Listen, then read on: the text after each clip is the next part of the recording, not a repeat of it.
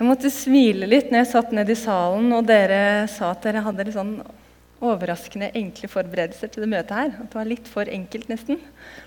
Eh, jeg kan ikke si det samme for min egen del. Men så undrer jeg meg litt over om kanskje det, det var nettopp derfor det gikk så enkelt for dere. Fordi her eh, står jeg og har tatt med meg en eh, colaflaske. Og jeg er litt usikker på om jeg kommer til å bruke den. Ehm, jeg har med et manus som jeg skrev ferdig egentlig på onsdag. Men det legger jeg bort. For på torsdag så uh, satte jeg meg ned og tenkte jeg skulle be over det jeg hadde forberedt. Uh, bruke tid med Gud og liksom få talen litt på innsida, hvis dere skjønner. Sånn at jeg slipper å stå og lese. Uh, og så opplever jeg at jeg får et veldig sterkt gudsmøte der jeg sitter. Som bare varer eh, og varer. Eh, for egentlig så skulle jeg snakke om eh, kirka som et hjem når livet gjør vondt. Og vi skal ikke bevege oss helt bort fra det. Eh, men noen ganger når jeg er i bønn, så er det akkurat som om det kommer en setning, og så fester den seg i fronten av panna mi. Eh, og det går ikke bort. Det kan være et bibelvers. Det kan være en setning som gjerne omhandler om Gud, eller en sannhet om Gud. Eh, og denne gangen så var det eh, en far for de farløse som ikke ville gå bort. Og så blei jeg litt usikker, fordi eh, Jeg blei veldig usikker om dette var til meg eller til dere. Eller begge deler. Eh, for for under et år siden så blei jeg farløs. Faren min døde veldig brått.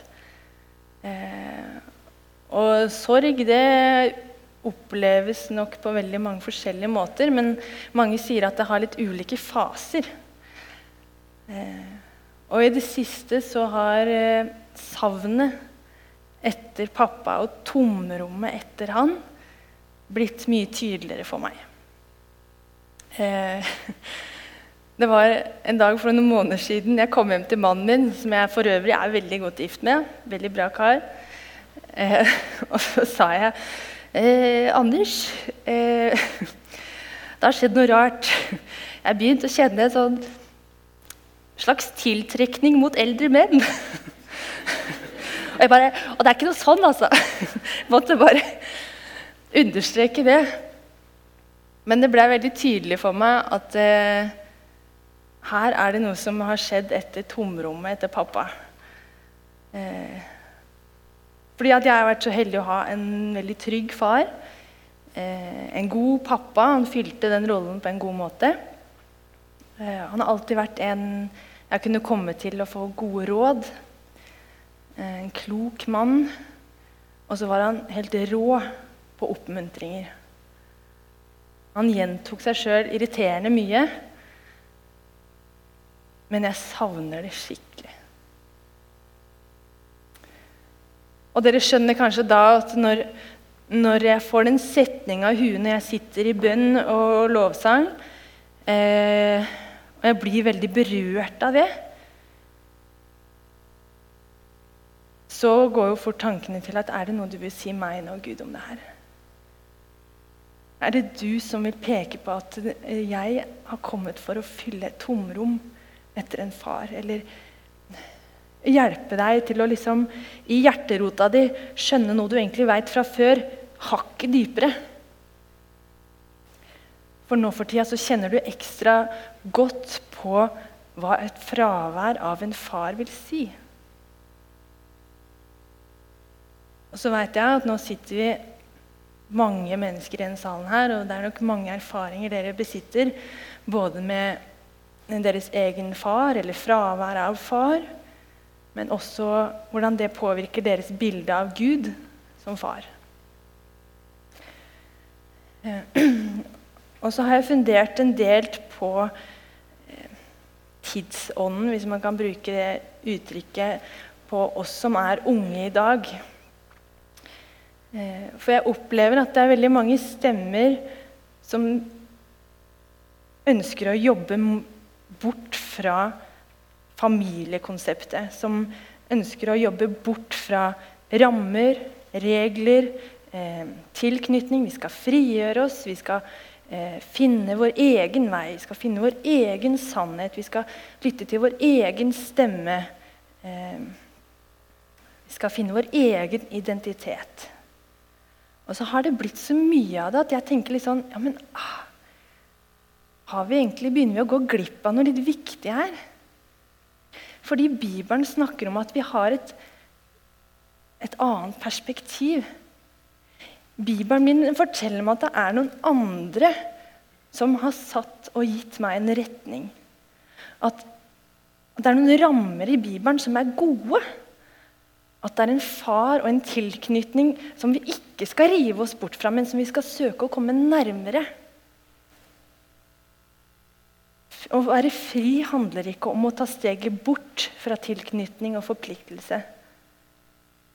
Bibelen min forteller meg at eh, når jeg er knytta til Gud, når jeg er knytta til Jesus, da blir jeg virkelig fri.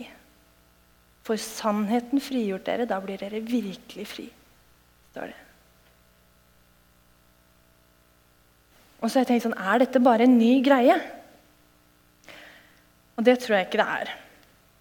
Mange av dere har kanskje en kristen bakgrunn og har hørt historien om sønnen som den bortkomne sønn, eller eh, sønnen som kom hjem, alt etter som hvordan man skriver den overskrifta. Um, men jeg har lyst til at vi skal lese den i kveld.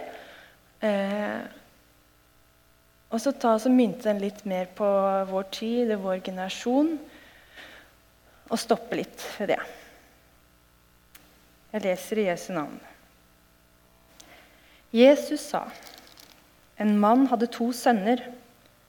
Den yngste sa til faren, 'Far, gi meg den delen av formuen som faller på meg.' Han skiftet da sin eiendom mellom dem.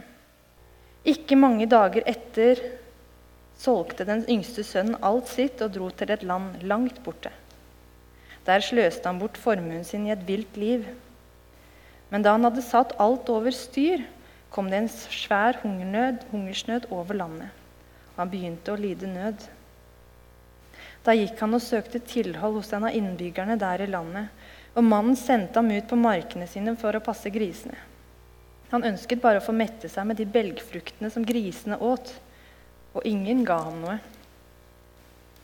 Da kom han til seg selv og sa, Hvor mange leiekarer hjemme hos min far har ikke mat i overflod, mens jeg går her og sulter i hjel?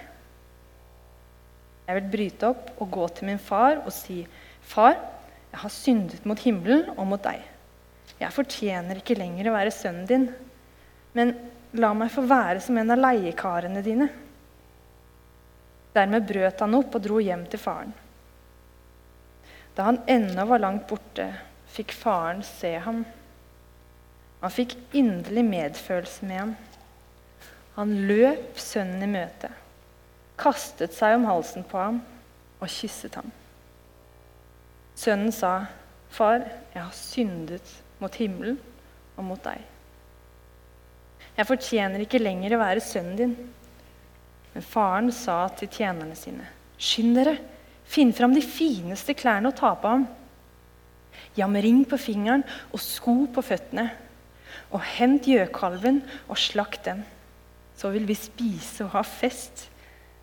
For denne sønnen min var død og har blitt levende. Han var kommet bort og er funnet igjen. Og så begynte festen og gleden. til den teksten her har jeg lyst til å si her hører du hjemme. Du hører hjemme hos far.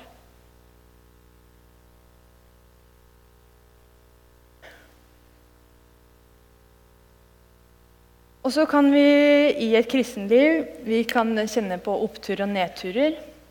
Tvil. Eh, og mange ganger så er, kan vi som kristne stille oss spørsmål hvor er du Gud? Jeg hører ikke fra deg. Jeg merker ikke noe. Jeg ber. Jeg syns det er vanskelig. Og det livet du snakker om i Bibelen, det er så langt fra det livet som medstudentene mine lever, familien min lever, og som på mange måter er normen i det som skjer i samfunnet. Og så kan man kanskje lengte til eh, den tida da Jesus gikk på jorda og tenke sånn åh, de hadde så mye lettere. De så han i fysisk eh, kropp. De eh, kunne følge han, høre han, eh, snakke med han på en annen måte. Og til det vil jeg bare si ja, det kan jeg òg lengte etter. Og Samtidig så er det noe kult som Jesus sier sine, eller noe av det siste han sier eh, til disiplene sine før han blir tatt til fange og blir korsfesta. Det står i Johannes 14. Jesus sier, 'Jeg lar dere ikke være igjen som foreldreløse barn.' Og så sier han, 'Jeg vil be min far, og han skal gi dere en annen talsmann' som skal være hos dere for alltid. Sannhetens ånd som verden ikke tar imot. For verden kjenner ham ikke. Men dere kjenner ham, for han blir hos dere og skal være i dere.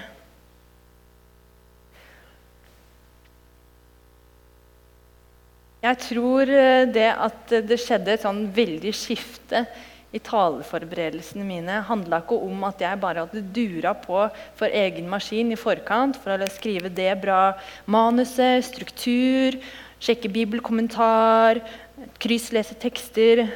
Jeg tror egentlig ikke det handla om det, for jeg pleier å ha en ganske sånn eh, gang i det der jeg liker å, å, spørre Gud hva vil du denne gangen? Eh, og opplever at jeg ofte blir leda. Men jeg tror det handler om at vi som kirke skal forstå at vi er noe annet enn et hvilket som helst samfunnshus. Et hvilket som helst studentorganisasjon som eh, kan snakke oppbyggelig, eh, ha selvhjelpslitteratur, eh, være et godt sosialt fellesskap. Kirka er noe annet. For kirka er Kristi kropp. Kirka er oss og vi som tror på Jesus, vi har fått Den hellige ånd. Det betyr at Jesus er midt iblant oss her i dag. Han er den samme som han var for 2000 år siden. Og i 2. Korinterbrev, første kapittel, så eh, står det at Den hellige ånd er som et pant og jeg har mange ganger tenkt sånn ah, handler det om, eh, liksom, Kan jeg sammenligne med en panteflaske? Eh, at det har en verdi selv om brusen er borte? Eh, og man kan nok ha en viss sammenligning der. Men ordet pant i denne sammenhengen er knytta opp mot handelsspråket. Eh, og for å overføre det til hva måte, vi kan sammenligne med, så handler det om et depositum. Det handler om en sikkerhet på at vi har fått en del av det vi har i vente. En del av betalingen, en del av verdien som vi har i vente. Det er første innbetaling, kan du si. Den hellige ånd er et bevis på det vi har i vente, at det kommer mer. Og Samtidig så er det et bevis på at det som skjedde for 2000 år siden, det lever. Det er ikke bare ei gammel historiebok, men det lever i dag. Og så er jeg stor tilhenger av å kjenne Bibelen sin og bruke tid med Guds ord. Og Samtidig så er jeg stor tilhenger av å hvile i at Gud virker i oss. Han virker i lemmene. Han har gitt oss nådegaver. Og det står helt tydelig i korinterbrevene at det er for å bygge opp menigheten. Å bygge opp den er for å styrke oss, styrke fellesskapet, men styrke troa vår. Og Det betyr at vi er avhengig av hverandre for at det skal være utfyllende. For at helheten skal på en måte vise oss hvem Jesus er, da. og hans kraft og hans virke. Så når jeg har sittet med taleforberedelser, så kan jeg ha gjort så godt jeg kunne med de forutsetningene jeg har. Men så skjer det noe når man tillater Den hellige ånd å gjøre sitt. Jeg har vært veldig spent, fordi jeg har ikke, har ikke helt visst hvordan liksom, denne talen skulle bli. Eh, jeg har prøvd meg på et nytt manus, og det har blitt sånn så som så. Men det er noe som skjer når vi tillater Den hellige ånd til å gjøre sitt i oss. Når vi sier Gud, ja, jeg skal være lydig, jeg skal gå på det jeg tror du har gitt. Og samtidig som vi holder Bibelen kjempestøtt. For hvis jeg bare vandrer ut fra alle eh, innskytelser jeg har hele tiden, uten å prøve det på det som faktisk står i Bibelen, da kan det skje veldig mye rart. Men hvis jeg på den andre siden da, aldri våger å gå på de innskytelsene eller de, de orda som fester seg i panna mi, som jeg sa i stad, eller for noen av dere andre kan det arte seg på en helt annen måte, så tror jeg vi går glipp av Kristi kropp her på jorda. Vi går glipp av det at vi ikke skal være farløse. Vi går glipp av det at vi kan være hjemme hos Gud også her på jorda. Henger dere med på det? Ja, ser noen nikk. Og da får vi kokt det ned igjen tilbake til det her med kirka. Vi har snakka om eh, vi har egentlig hatt ganske sånn utfordrende taler synes jeg, de foregående ukene. Og det heier jeg litt på. For vi skal ikke være et hvilket som helst samfunnshus. Det er noe mer som skjer her. Vi skal snakke sant og ekte om livet. Og Bibelen er sannhet, og det kan pirke borti oss. Og så må vi snakke sant om at du er menigheten. da. Og at menigheten går glipp av noe når ikke du tør å gå på det han har lagt ned i nettopp deg. Og Samtidig så tør vi også å bli trygge i vår identitet som kristne. Jeg tror vi trenger at noen sier at 'du er skapt av meg'. Du hører til hos meg. Du er dattera mi. Du er sønnen min. Her hører du hjemme. I dette fellesskapet.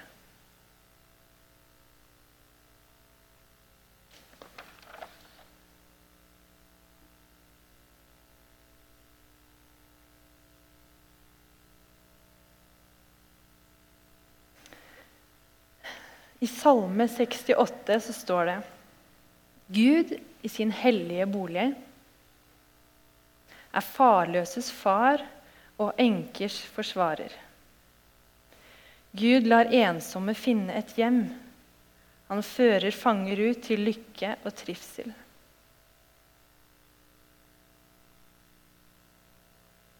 Dette er et hjem for deg. Det er et hjem hvor du forhåpentligvis får erfare Guds fars kjærlighet akkurat inn i livet der du er. Der du på en spesiell måte kan få senke skuldrene og bare være et Guds barn. Og på samme tid, her ligger det en slags spenning, så er det et hjem hvor du er kalt til å bidra. Til å være en aktør, ikke bare en observatør. Et hjem som ikke er et hotell du bare skal nyte godene av, men også et hjem der du skal finne hvile og se dine søstre og brødre i det de står i. Husk at Gud har makt til så uendelig mye mer enn det vi fatter og forstår. Så der vi kommer til kort, der jeg i, i mine taleforberedelser kan være litt sånn Å, Gud, hva vil du si her nå? Er det til meg? Er det til meg som tenker dette? Er det til menigheten?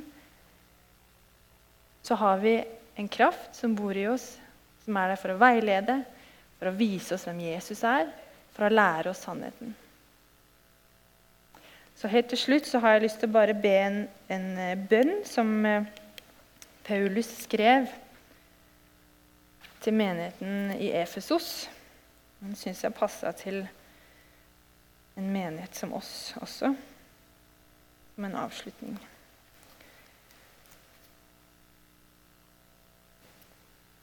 Skal vi se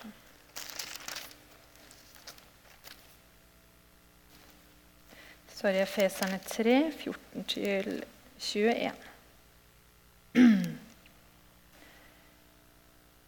Derfor bøyer jeg mine knær for Far, Han som har gitt navn til alt som kalles Far, i himmel og på jord. Må Han som er så rik på herlighet, gi deres indre menneske kraft og styrke ved sin ånd. Må Kristus ved troen bo i deres hjerter, og dere stå rotfestet og grunnfestet i kjærlighet. Må dere sammen med alle de hellige bli i stand til å fatte bredden og lengden, høyden og dybden, ja, kjenne Kristi kjærlighet som overgår all kunnskap. Må dere bli fylt av hele Guds fylde. Han som virker i oss med sin kraft og kan gjøre uendelig mye mer enn det vi ber om og forstår. Ham være ære i Kirken og i Kristus Jesus gjennom alle slekter og evigheter. Amen.